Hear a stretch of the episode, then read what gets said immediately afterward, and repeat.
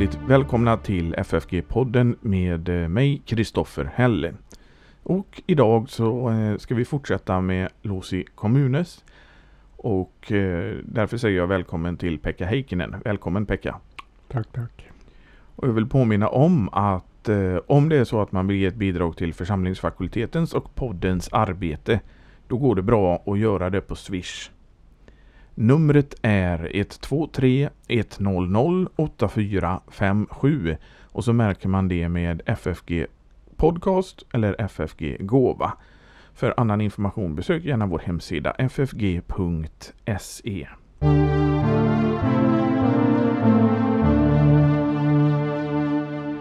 Ja, Pekka, då sitter vi här igen. Ja, det ska bli trevligt. Ja, vi har ju kommit en bit i, i Ilosi i kommunes. Och eh, vi är framme vid kapitel 7 som börjar på sidan 169 för de som följer med i boken. Och eh, I och med att det är eh, 500-årsjubileum i år så är det ett jubileumspris på boken om man vill beställa den från församlingsfakulteten. Då är det en för 30, två för 50 plus porto. Och det kan man beställa om man skickar ett mejl till info.ffg.se eller går in på ffg.se så kan man hitta det. För de som vill följa med i boken.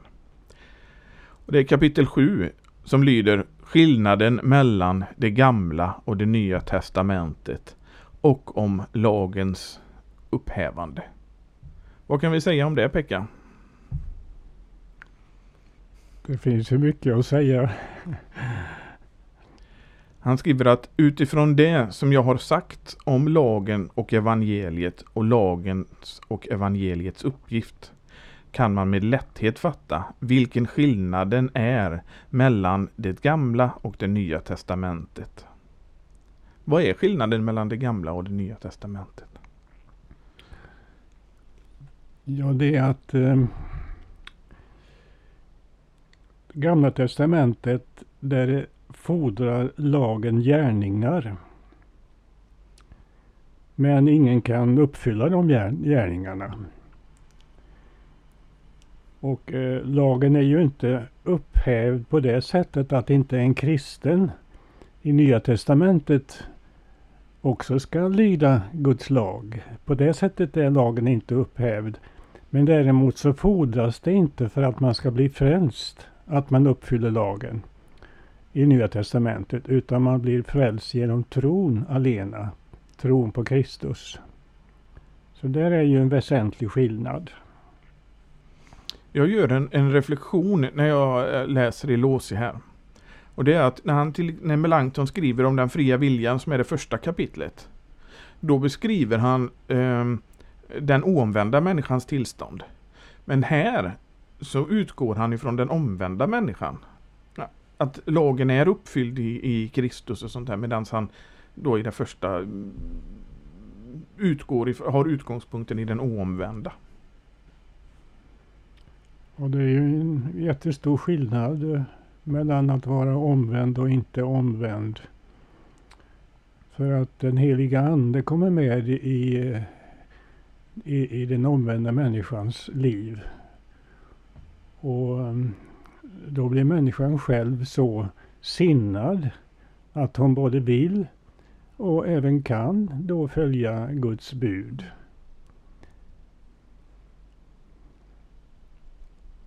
Ja, men Langton skriver ju det lite längre fram här. Vi kommer ju till det att eh, det handlar inte om att man ska uppfylla lagen på det sättet utan det handlar om att hjärtat vill uppfylla lagen. Ja, den heliga ande förvandlar människans hjärta så att människan såsom ny människa, han talar ju även om den gamla människan. Mm. Men eh, så långt som en kristen är, är förnyad eh, så eh, är hon samstämd med Guds heliga lag och vill precis detsamma.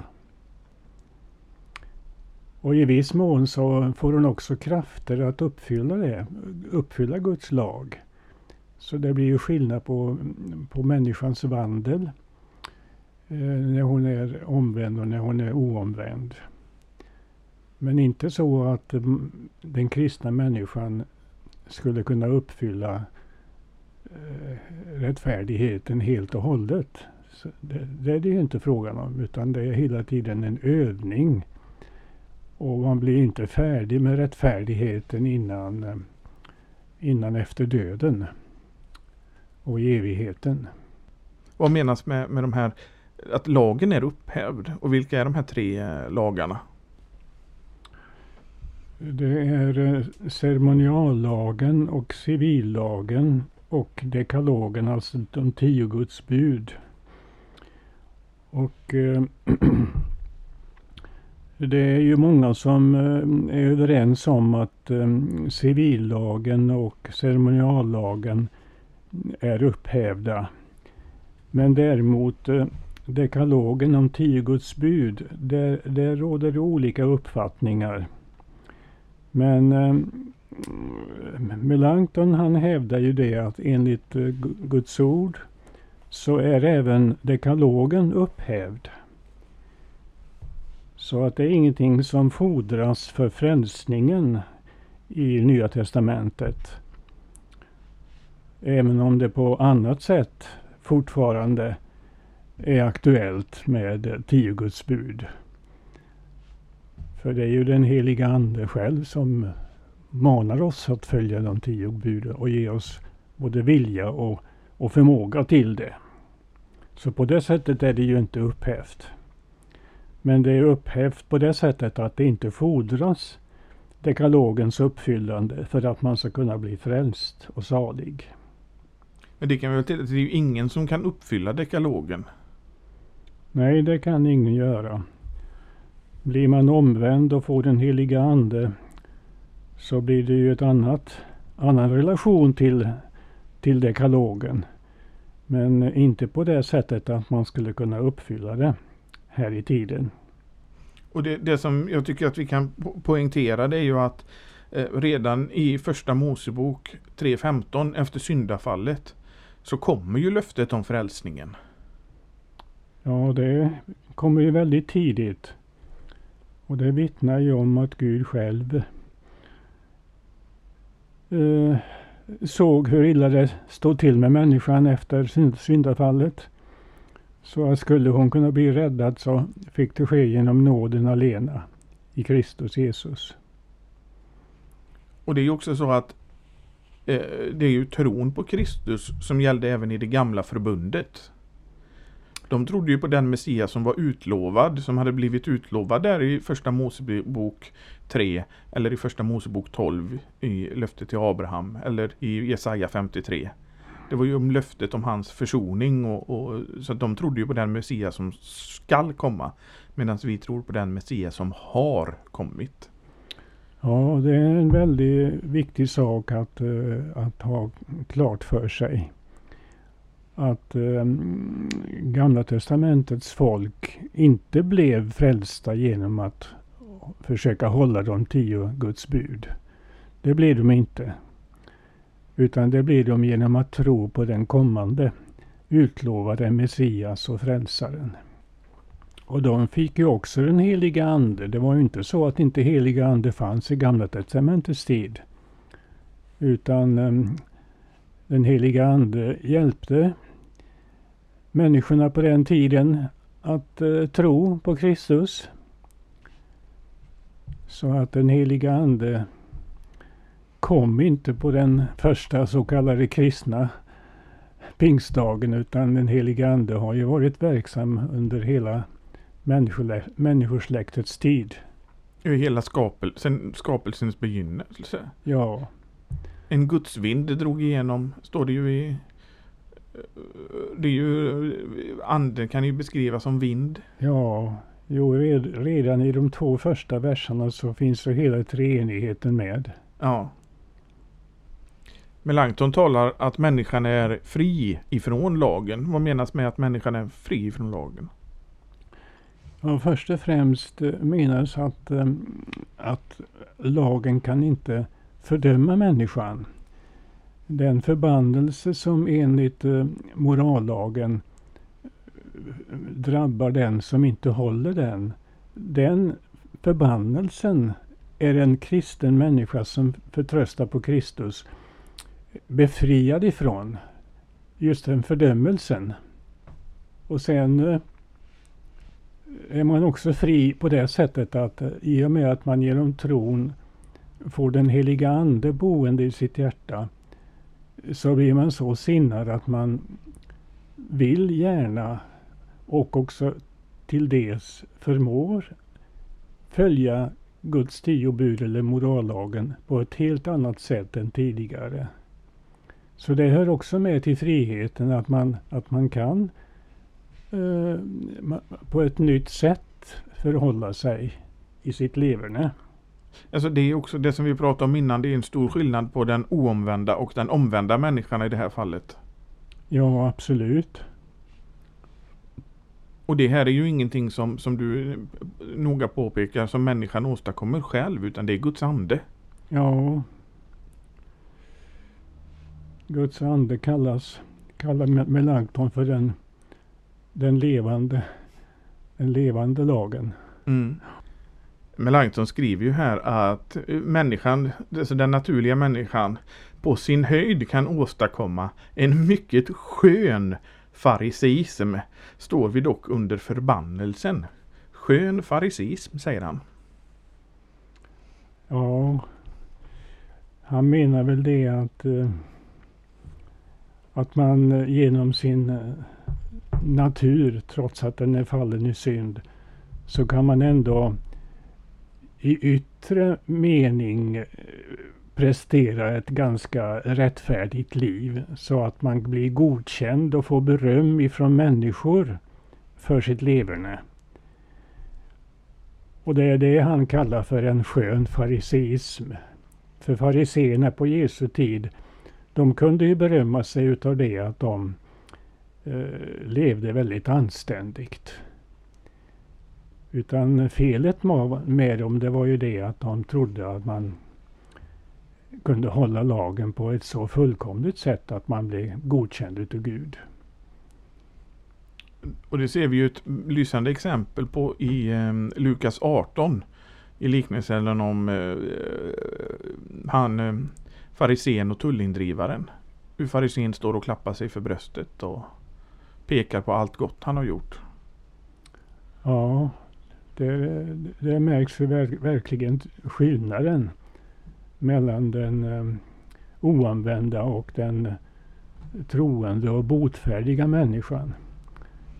För tullindrivaren sa ju det att Gud misskunde dig över mig syndare.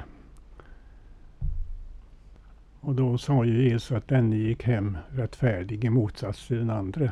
Mm. Och så står det så här att Kristus upphävde denna lagens förbannelse denna lagens rätt så att du, fastän du har syndat, fastän du har synd, man bör ju använda skriftens uttryckssätt, dock är frälst. Ja, det, det är ju frälsningen genom tron på Kristus av nåd alena. Mm.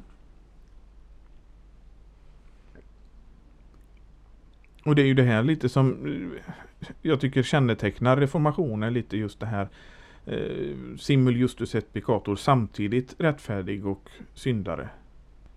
Um, han, han, I paragraf 23 på sidan 173 för de som följer med i boken så skriver han om denna uppfattning har Paulus sagt följande Lagen är icke till för den rättfärdige. Vad menas med det Pekka? Eh, den kan ju, det kan ju synas vara lite ett underligt påstående. Eh, för att eh, man kan ju missuppfatta det så tillvida att en kristen människa inte bör följa Guds heliga lag. Men eh, det måste ju istället eh, förstås på det sättet att, att en kristen människa är inte skyldig att göra det för att bli frälst och salig.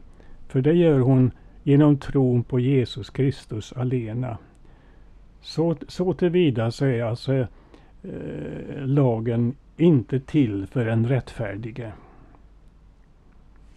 Alltså, lagens uppgift är, är, att, att eh, om man nu ska uttrycka det, skrämma så att man flyr till Kristus? Ja, men det är inte så att lagen visar vägen till Kristus. Den kan ju skrämma en människa så att hon blir rädd för Gud och för hans vrede och hans straff. Så långt eh, kommer man eh, genom lagen.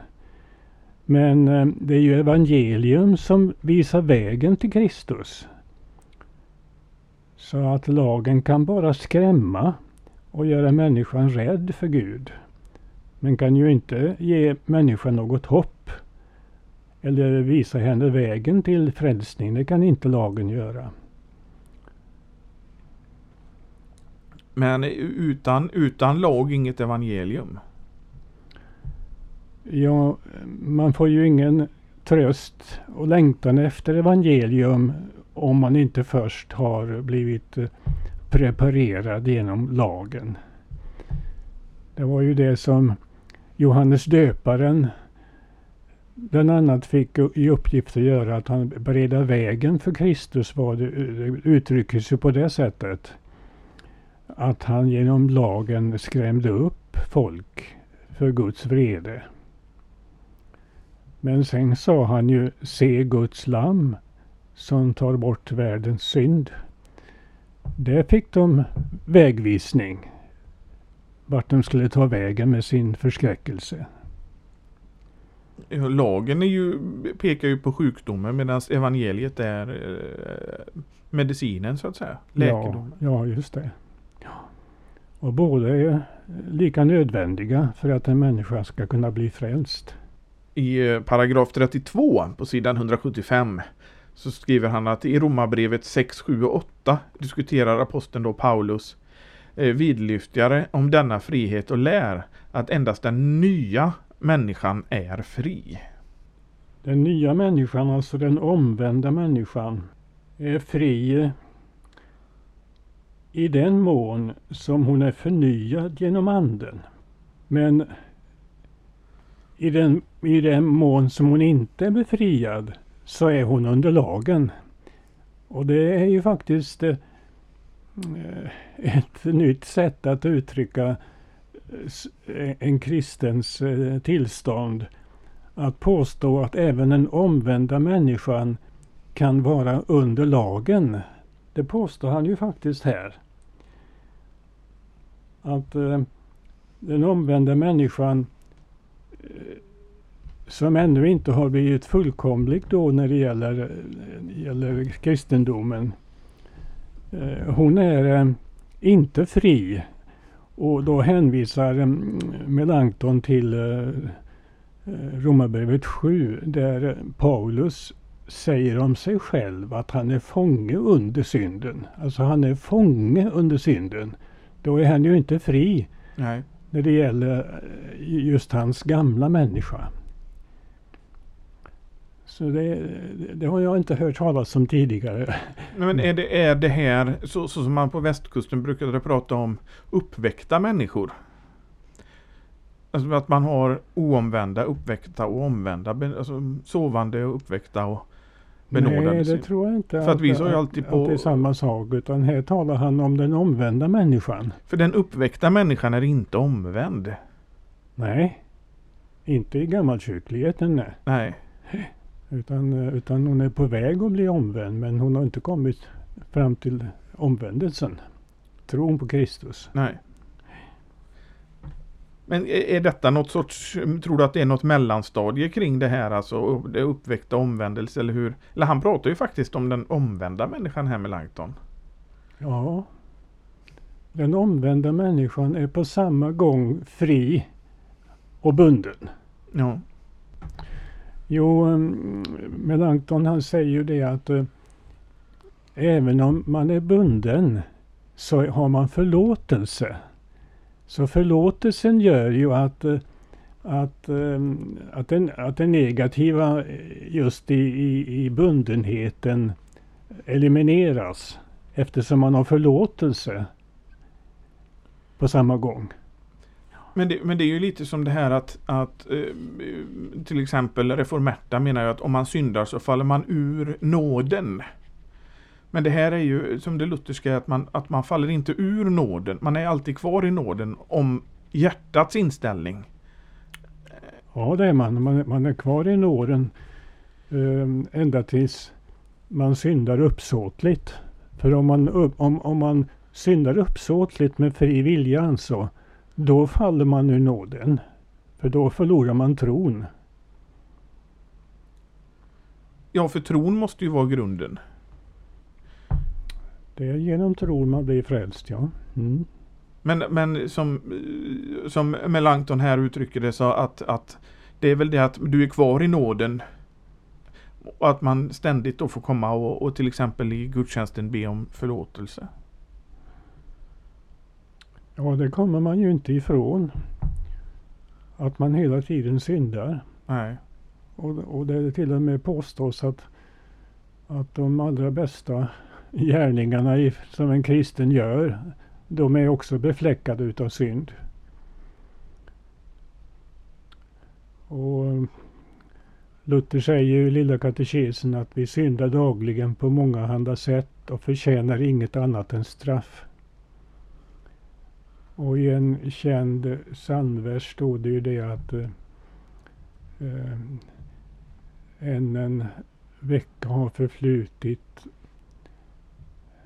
och jag beder vid dess slut. Gud förlåt mig vad jag brutit varje timma var minut. Det låter väldigt överdrivet att jag har syndat varje timma var minut. Men det överensstämmer tycker jag med, med, med Luthers eh, lära att eh, även de bästa gärningarna som en kristen gör, de är besudlade utav synd. Ja, och, och, Johannes skriver att den som påstår sig vara utan synd, den bedrager sig själv. Det gör han, ja. Och det är väldigt viktigt att, att, att besinna detta.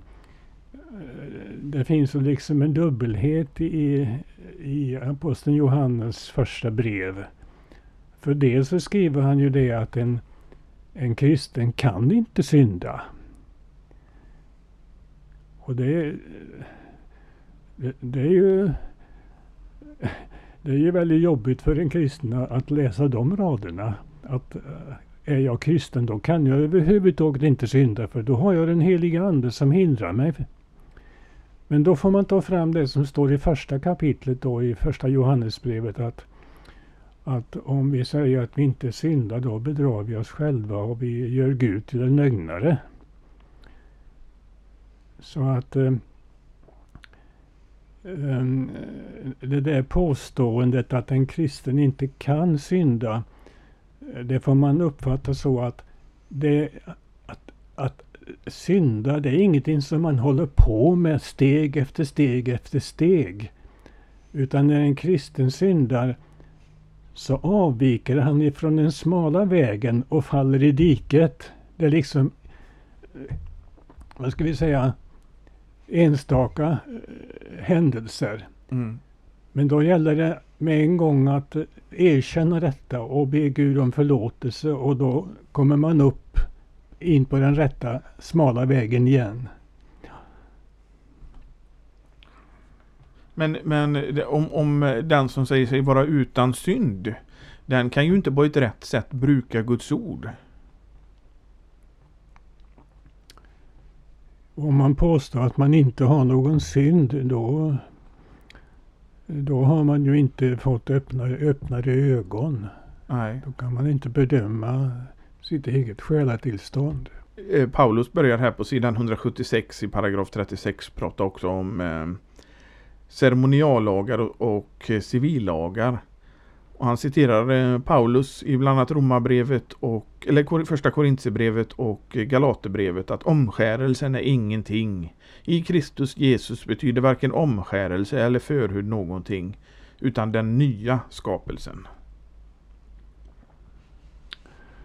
Och han tar ett exempel därifrån Gamla Testamentet med omskärelsen. Det är ju en, eh, det är en lydnad för en ceremoniallag i Gamla Testamentet.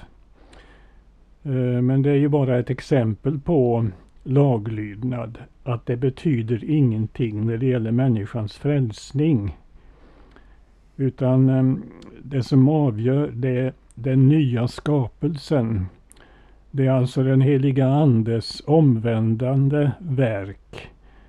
Den heliga Ande eh, skapar, omskapar eller också som det uttryckes nyföder en människa. Dels genom lagens upplysning och dels genom evangeliets upplysning.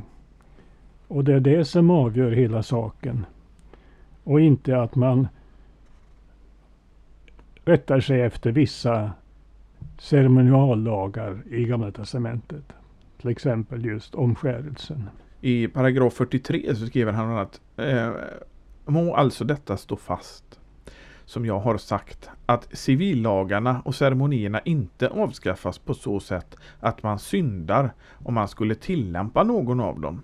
Men eftersom kristendomen är ett, är ett slags frihet är det vår sak att använda dem eller inte, liksom det är vår sak att äta eller dricka. Uh, Melanchthon han eh, lär här att eh, man kan inte klara sig i det vardagliga arbetet eller livet utan att det finns lagar och bestämmelser i, i samhället och i hemmet och så vidare. Eh, utan det, det, det, det, det, det är någonting som nödvändigt, nödvändigtvis finns i vårt liv så länge vi lever här på jorden. Däremot så har det ingenting med frälsningsfrågan att göra. Så att man eh, skulle vara eh, tvungen till att rätta sig efter dessa. För man, kan antingen göra det eller inte göra det. Men jag kom just att tänka på detta med överheten. Att eh, om överheten har bestämt vissa regler eh, då ska man ju ändå rätta sig efter det så att eh, om man inte är lydig mot överheten då, då är man ingen sann kristen. Utan eh, det kanske kommer lite grann i att, att, att Melanchthon talar emot sig själv när han ser det ena och det andra. Melanchthon skriver här på, i paragraf 65 att det inte är tillåtet för en kristen att strida i rätten. Det är en ganska radikal åsikt. Ja, det... Jag har inte påträffat den åsikten någon annanstans än just det här i Låsi. Eh, för om man tänker på hur det har, hur det har blivit inom eh, lutherska kyrkan genom tiderna eh, så har man ju inte följt honom där. Utan, utan det har varit tillåtet att processa om olika saker som har med den här världens angelägenheter att göra. Så att på den punkten kan jag faktiskt inte Eh, följa med Melanchthon. Nej, och det är som du säger, han är ju tämligen ensam om denna åsikt. Ja, jag har inte påträffat den någon annanstans men måste ju erkänna det att Paulus är inne på, den, på de sakerna när han eh, eh anklagar eller, eller, eller tillrättavisar är det Korintier eller vad det är, vilket brev det nu är. Därför att de eh, processar emot varandra i, i, i världsliga domstolar. Han klandrar dem för det och menar på att man ska inom den kristna församlingen kunna klara upp sina, sina motsättningar genom att eh, visa män, som han uttrycker det, i församlingen eh, avgör vad som är rätt och fel. Så att eh, så tillvida, så tillvida så är ju Melanchthon så att säga biblisk, att han ändå har ett ställe i Bibeln att, att peka på. Men eh, inom vår lutherska tradition så har man alltså inte eh, följt eh, Melanchthon så konsekvent som han tycks göra. Utan, utan man har tillåtit processer inom vissa gränser. Men jag tänker, vad är en process? Petrus och Johannes stod inför Stora rådet. Det var väl en, en sorts process att delta i det till exempel? Jag vet, vet inte om man kan säga att de processade utan de, de blir ju dragna inför Stora rådet och, och ehm, de var ju tvungna att svara på frågorna som de fick. Jag, jag, jag vill inte säga att de processar genom detta. Nej, okej. Okay. Mm. Men hur ska man se på dem? Vi ser på, vi har haft ett eh, uppe i den här podden eh, i flera avsnitt det här med tvåregementets lära. Är det skillnad då att processa eh, inom det andliga och det världsliga regementet? Ja, ska man rätta sig efter Melanchthon så är han väl konsekvent överhuvudtaget. Det kvittar vilket regemente. Jag menar att en, en kristen lever ju också i det världsliga regementet. Det kan ju vara tvister med offentlighet eller grannar eller någonting om, om olika saker som, som hamnar i domstol. Ja, hamnar det i domstol så kan man ju inte dra sig undan utan man får, man får ju infinna sig och svara på de frågor som ställs och förklara hur man ser själv på saker och ting. Det är väldigt radikalt som Melanchthon skriver här att ty den som strider inför domstol är inte kristen. Alltså, på, sist i paragraf 66 på sidan 180. Alltså att den som strider inför domstol är inte kristen. Det, det, här har jag ju inte upptäckt mm, hos någon annan än Melanchthon. Det... Nej, det är samma med mig att eh, jag har inte, inte påträffat en, en sån radikal åsikt som, som den som du citerade. Jag vill bara påminna om att han också har ett bibelställe att hänvisa till. Just det som eh, Paulus eh, nämner att man inte i, den kristna församlingen ska anlita världsliga domstolar utan, utan det ska finnas visa och helgade personer som kan, eh, kan döma mellan kristna människor.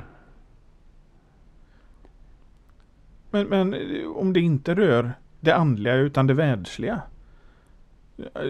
Det, då finns det väl inget som helst skriftstöd för det? För Paulus talar ju om församlingen. Ja, men eh, framgår det utav det bibelordet att, att, det, att det är världsliga saker eller andliga saker? Det kommer jag inte ihåg just nu. Ja, det är ju första Korintierbrevet 6 som, som talar om det här med processande. Och eh, vad, vad, vad, säger det? Om man, vad, vad, säger Paulus där? Han säger det att eh, de kristna i Korint inte ska lösa sina inbördes tvister genom att dra det i en världslig domstol. Utan de ska lösa det genom inbördes samtal och, och låta visa helgade kristna eh, avgöra vad som är rätt och fel. Tycker du att det stämmer överens om det, med det som, som Melanchthon skriver? Att ty den som strider inför domstol är inte kristen? Uh, ja, jag tycker att uh, det som Paulus skriver det låter ju inte så radikalt som när Melanchthon säger att den som strider inför rätten inte är kristen. Eh, det tycker jag inte är riktigt samma sak. Nej, det... För om vi tar ett exempel att din granne eh, planterar träd på din mark. Och du ber grannen att, eh, att inte göra det. Den här grannen är inte kristen. Vad gör du då?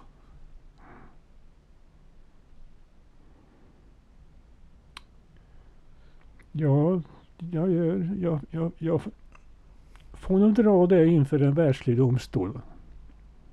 För det är ju det, det är också det, i så fall det världsliga regementet. Ja, Gud han verkar ju både inom det andliga och det världsliga regementet. Så det är han som är subjektet och den som verkar. Melanchthon var väl kanske inte riktigt färdig med de här tankarna och det här som han tar upp här i Låsi, det är ju ingenting som vi till exempel sen ser i Augsburgska bekännelsen. Nej, det, det tas ju inte upp på det sättet. Och inte i apologin heller mig veteligen. Nej, inte heller. Jag, jag känner inte heller till några, några sådana uppfattningar i apologin. Men vi kan i alla fall innan vi går, vi kan konstatera innan vi går vidare att det är verkligen en radikal åsikt som eh, Philip Melanchthon framför här. Mycket, mycket radikal.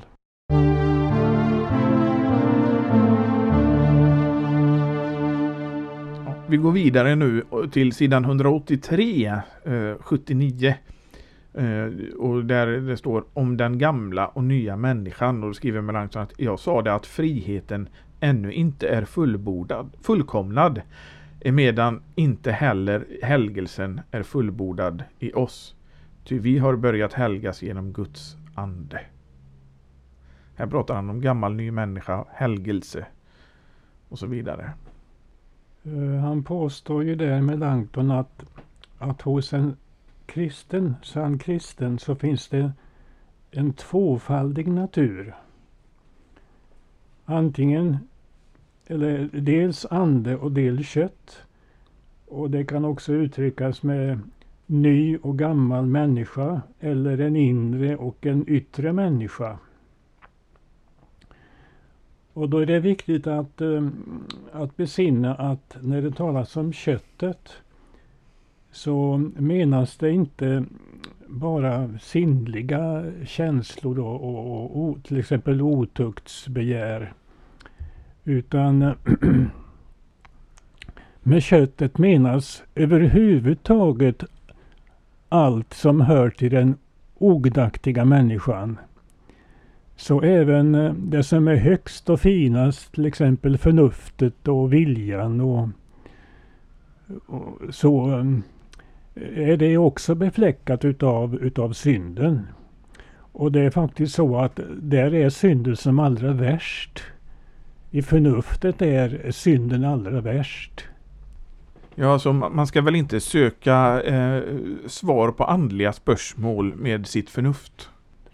Nej, det medfödda förnuftet som människan har efter, efter syndafallet.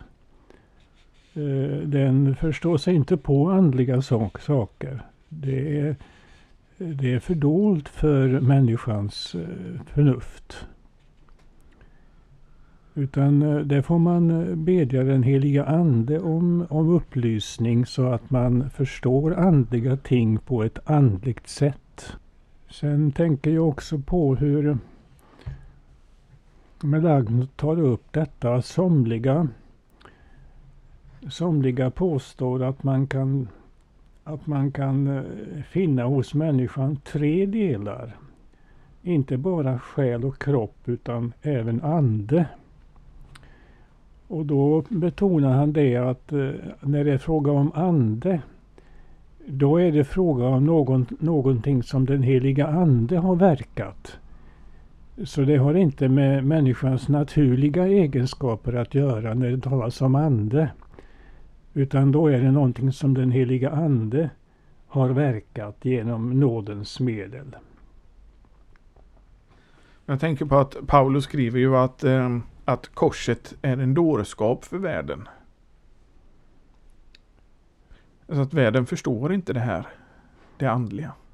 Nej, det är just det som vi nyss uh, sa det att, uh, att förnuftet uh, har inte begrepp om, så, om andliga ting. Utan det är, det är som du säger en, en dårskap för människan av naturen. Men det när du går in på sen med anden, att när anden tar boning i hjärtat så blir det en självklarhet, en tröst. Ja, då kommer det, kommer det plötsligt ett ljus in i själen som inte finns där annars. Så att man förstår andliga ting på ett andligt sätt. Johannes skriver ju i, i sitt tredje kapitel att det som är fött av ande, det är ande. Vad menas med det?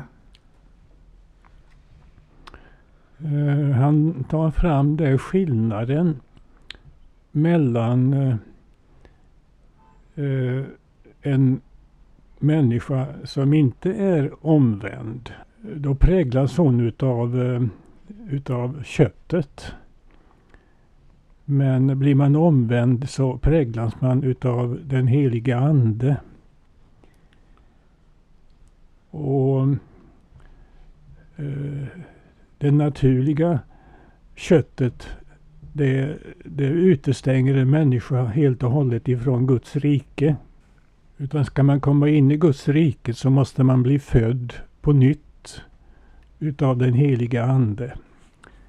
Och man menar ju att även dopet kommer in för att man brukar ju tolka Johannes tredje kapitel så att när Jesus talar om, om, om vatten och ande att han då tänker på dopet. Att det genom dopet sker en pånyttfödelse. Men sen så han eh, nämner vidare här um, i paragraf 83 på sidan 184 Galaterbrevets femte kapitel att köttet har begärelse mot anden och anden mot köttet. Det är ju den här kampen som en kristen människa har att utföra varje dag. Ehm, så att eh, köttet vill hela tiden göra det som är synd och ondska. Anden som finns i en kristen människas hjärta protesterar alltså emot det som köttet vill. Och så blir det en kamp mellan anden och köttet som eh, eh, Paulus skriver om i Galaterbrevets femte kapitel. Men eh, det, den, den kampen den upphör ju inte så länge människor lever på, på, jorden. Utan eh, det måste man finna sig i att, att föra den kampen ända till sin död. Eh, helgelsen fullbordas alltså inte under människans livstid. Utan helgelsen fullbordas först i, när hon är död. Och eh, själen blir skild ifrån kroppen och, och får komma till Gud i himlen. Då, då blir helgelsen fullbordad i själen. Och sedan när kroppen uppstår på den yttersta dagen så blir även kroppen på något sätt helgad. Då sker helgelsen, förhärligandet, även med kroppen på ett fullkomligt sätt. Då blir människan alldeles lik Jesus så som han är i himmelen så som sann människa. Så att när det talas i skriften om att en kristen får, nat får gudomlig natur eh, så kan ju inte det uppfattas så att en kristen efter döden blir gudomlig. Så att hon skulle få Guds egenskaper. Så kan man ju inte uppfatta det uttrycket att ha gudomlig natur. Utan eh, jag uppfattar det så att det betyder att då blir man fullständigt lik Kristus så som han är i himmelen som sann människa. Som sann människa. Men helgelsen är ju inte så som till exempel rättfärdiggörelsen som föregår helgelsen. En, en, ett engångsbeslut. Utan helgelsen är ju någonting man mognar i. Som man växer i hela tiden som kristen. Ja, jag tror att eh, Melanchthon kan använda lite olika uttryck. För han kan även skriva att, eh, att vi är inte klara med rättfärdigheten. Så att även om man är rättfärdig förklarad genom tron så är man inte färdig med rättfärdigheten. Utan eh, det är någonting som kan växa så att man blir mer och mer rättfärdig. Men eh, så talar han ju också om detta att man kan tillväxa i kärleken. Och det är ju helt bibliskt för att eh, Paulus han berömmer ju församlingarna i, ganska ofta. Hur han gläder sig över att, att de växer i kärleken till varandra. Och att det, det är liksom känt i hela världen att, att er kärlek växer och så. Det, det, det, det är han inne på flera gånger. Det kan ju också uttryckas så att, att Kristus tar gestalt i en kristen människas liv. Det betyder att, att man blir mer och mer lik Kristus ju mer tiden lider. Men det blir inte färdigt i denna, denna tiden. Nej. Utan man siktar emot det hela tiden. Paulus han skriver ju på ett ställe att, att det är inte så att jag är färdig. Men jag är på väg att bli färdig. Och det är ju trösterikt att höra att, att, att det finns ett, en tillväxt i, i likheten med Kristus. Att man kan bli mer och mer lik Kristus. Men det är ju samtidigt ganska fördolt för människan själv. Eh, det hör med till den heliga Andes uppfostran att människan inte får märka så mycket utav sin tillväxt. För då kanske hon skulle berömma sig utav det och, och, och glömma att, att all tillväxt det har med gemenskapen med Jesus Kristus att göra. Vilket Jesus talar om i liknelsen om vinträdet och grenarna. Att har man inte kontaktat med honom så blir det ingen frukt. Men om man är i gemenskap med honom så som grenen med vinträdet så bär man mycket frukt. Vi tar det avslutande här också om dödssynden och den dagliga synden. Vad menar han med det? Det talas ju inom den romerska katolicismen om dödssynder och han för sin del menar att dödssynd det är varje gärning som en människa gör som inte är i Kristus, alltså inte har trons gemenskapen med Kristus. Då är alla hennes gärningar dödssynder. Men här sen pratar ju Melanchthon om förlåtliga synder också. Med förlåtliga synder menar han Ehm, alla heliga, alltså sanna kristnas gärningar.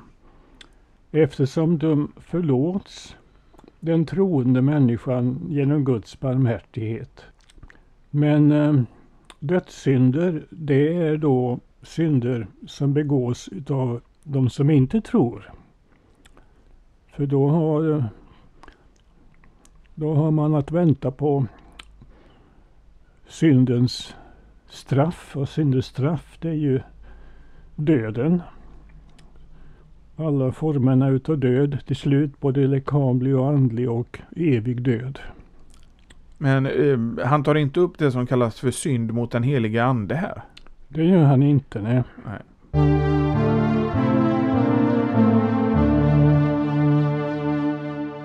Ja, då har vi gått igenom hela det här kapitlet Pekka.